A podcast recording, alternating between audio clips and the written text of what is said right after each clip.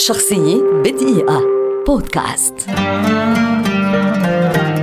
خالد الصاوي ممثل مصري كبير. ولد عام 1963 في الإسكندرية ويعد واحدا من ألمع ممثلي جيله ومن أفضل الممثلين على الساحة العربية في الوقت الحالي. حصل على ليسانس الحقوق من جامعة القاهرة عام 1985 ثم حصل على بكالوريوس الإخراج السينمائي من أكاديمية الفنون عام 1993 عمل بالمحاماة لفترة قصيرة ثم مساعدا للإخراج ثم مخرجا تلفزيونيا في بعض القنوات وكان قد بدأ التمثيل على المسرح الجامعي واشترك في تأسيس الجمعية المصرية لهواة المسرح كما كتب وأخرج للمسرح وفاز بجائزة للإبداع المسرحي لعامي 1991 و 92 عن مسرحيتي حفلة المجانين وأوبريت الدراثيل قبل أن يفرض نفسه ممثلا تلفزيونيا وسينمائيا استثنائيا فقدم للتلفزيون أدوارا لا تنسى في مسلسلات رائعة مثل محمود المصري أهل كايرو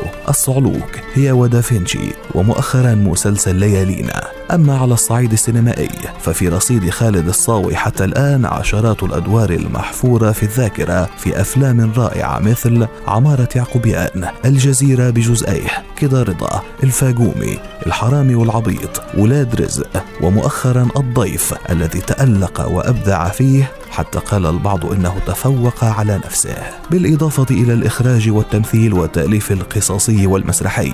خالد الصاوي شاعر موهوب أيضا وله العديد من القصائد التي اكتسبت شهرة واسعة بخاصة على مواقع التواصل الاجتماعي. شخصية بدقيقة. بودكاست.